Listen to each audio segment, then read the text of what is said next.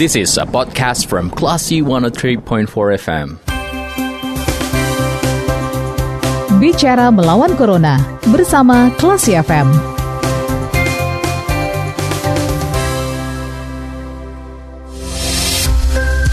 103,4 kelas FM, this is the actual radio. Classy People kembali lagi Anda mencermati program Bicara Melawan Corona, masih bersama saya Radi Pranata.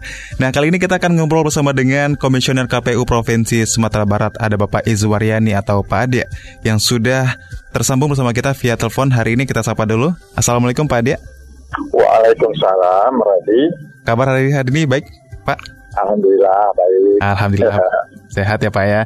Uh, Pak Ade, kita pengen... Cuaca Alhamdulillah sesuai dengan cuaca juga benar. Nah ini kita pengen uh, bahas mengenai ratusan KPPS yang positif COVID-19 nih Pak Dia. Nah mungkin dari data terakhir dulu mungkin bisa kita update ke masyarakat uh, sampai hari ini mungkin sudah berapa KPPS yang positif COVID-19 Pak Dia? Laporan terakhir hmm. KPPS kita yang uh, terpapar yang apa?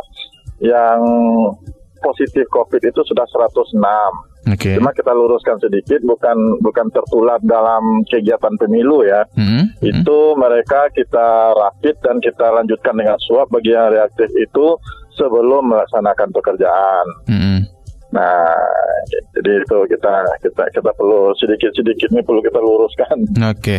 baik. Hmm. Kalau dari 106 uh, KPPS yang positif ini, uh, Pak Ade, dari kabupaten hmm. dan kota mana saja? Uh, kalau ini sudah hampir merata sih ada. Hmm? Hampir merata. Uh, cuman uh, yang berkonsekuensi pada penggantian belum ada. Oke. Okay. Nah. nah, kalau dari uh, hasil saat ini apa sih apakah masih ada hasil tes swab yang belum keluar sampai sekarang uh, Pak Ade?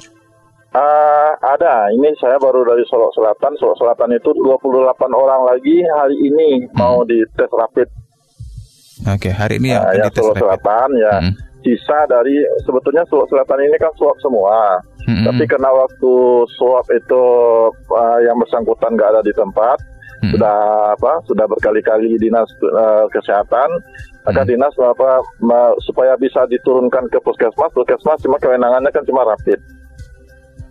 Hmm. Oke, okay, baik. Uh, kemudian Pak Adi, ini kan dari 106 yang sampai sekarang uh, dinyatakan positif, itu sebelumnya uh, dinyatakan reaktif ketika melakukan rapid ya Pak ya? Iya, iya. Nah. Dari yang reaktif itu kita lanjutkan swab. Nah, waktu itu ada berapa banyak yang reaktif Pak sebelum dilakukannya tes swab? Yang reaktif itu hampir 5 ribu ya. 5 ribu. Hmm. Ya, 4 ribuan lebih. Hmm. Dan uh, dan hasilnya 106 uh, sampai sekarang ini di, dinyatakan positif COVID-19 ya Pak ya? Iya, terkonfirmasi positif. Oke. Okay. 106. Dan masih ada 28 lagi yang akan ditunggu hasil tes swabnya dari Solo Selatan. Begitu Pak Dia? Dari Solo Selatan, hmm. ya bukan swab. Nah, ini kalau Solo Selatan yang 28 ini di rapid aja. Oh, rapid. Oke. Okay. Uh. Baik. Uh, kemudian untuk um, yang positif ini Pak Dia, apa langkah yang akan dilakukan oleh KPU sendiri untuk mengisi kekosongan atau mungkin ada langkah lain yang akan diambil, Pak Ade?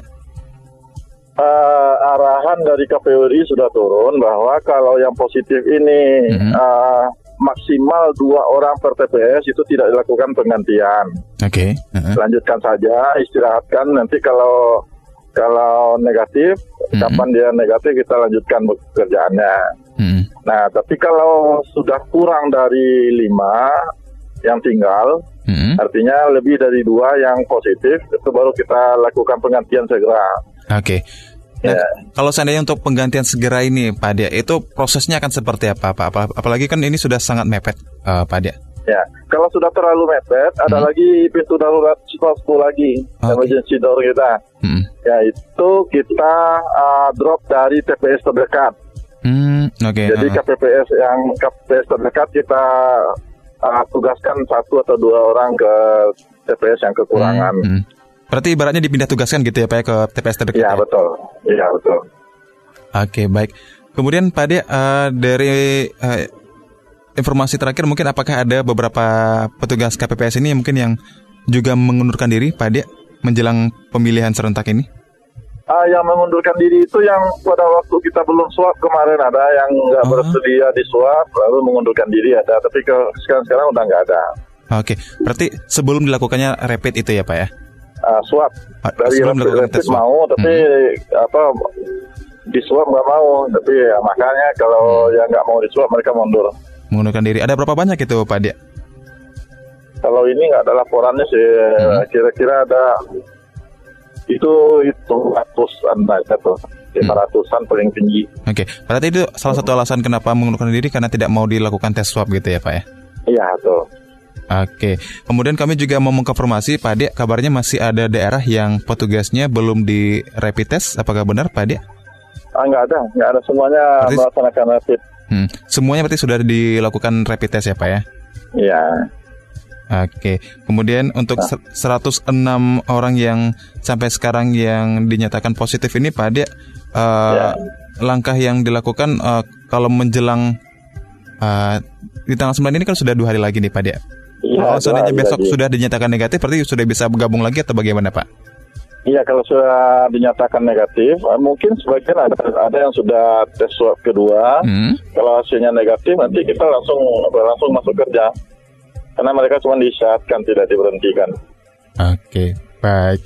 Kemudian Pak dengan uh, beberapa proses uh, pengecekan kesehatan sampai dengan rapid test dan swab test ini, uh, apa mungkin yang perlu disampaikan juga ke pemilih um, menjelang pemilihan di tanggal 9 Desember ini, Pak Ade?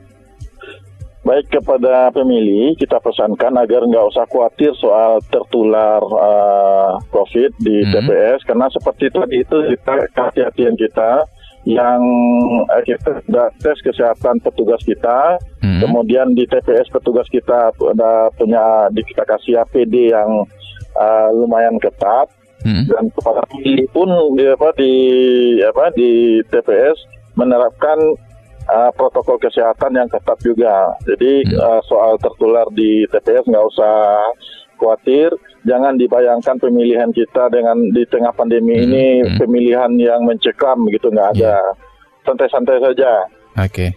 Kita baik-baik saja gembira saja ke ah. TPS gerakan memilih bagi kesejahteraan rakyat Sumatera Barat.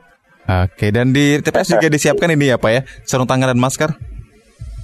Uh, di TPS kita siapkan sarung tangan untuk huh? untuk semua pemilih. Oke. Okay. Uh, kemudian masker itu kita uh, siapkan 100 buah masker per TPS untuk cadangan bagi yang lupa bawa masker atau memang nggak punya masker sama sekali di rumah. Uh, berarti itu hanya uh, backup aja ya Pak ya kalau untuk masker ya? Ya, tapi nggak usah ini ya. pula masyarakat nggak usah pula berpikir ya Pak akan mendapat kenang-kenangan dari TPS yeah. karena masker yang kita sediakan itu masker sekali pakai aja, uh, uh, okay. nggak bisa dijadikan kenangan juga kok. Jadi uh. sebaiknya pakai masker dari rumah saja. Oke, okay, jadi pemilih juga harus uh, mematuhi protokol kesehatan selama berada di TPS nantinya ya Pak ya? Iya, masker terutama. Kalau kalau yang lain-lain kita sediakan di TPS. Oke, baik. Terima kasih Pak Adi sudah menyempatkan waktu berbincang bersama kita kali ini. Mudah-mudahan uh, kegiatan kita di tanggal 9 Desember berjalan dengan lancar dan tidak uh, Amin, ya adanya ya klaster ya Pak ya. Mudah-mudahan ya Pak ya. Amin, sama-sama di Pranata. Baik, selamat kembali beraktivitas Pak Adi. Assalamualaikum. Waalaikumsalam warahmatullahi wabarakatuh. Baik itu dia kelas People obrolan kita bersama dengan Komisioner KPU Provinsi Sumatera Barat. Ada Bapak Izwaryani atau Pak Ade ya berkaitan dengan uh, adanya ratusan KPPS yang dinyatakan positif COVID-19 setelah sebelumnya dinyatakan reaktif uh, rapid test kemudian dilakukan tes swab dan ditemukan sampai saat ini 106 uh, eh, petugas KPPS di Sumatera Barat yang dinyatakan positif COVID-19. Dan obrolan ini bisa kembali Anda cermati di podcast Kelas FM yang bisa Anda akses di, triple, di www.kelasfm.co.id. Terima kasih. Anda sudah mencermati program Bicara Melawan Corona bersama Klasi FM.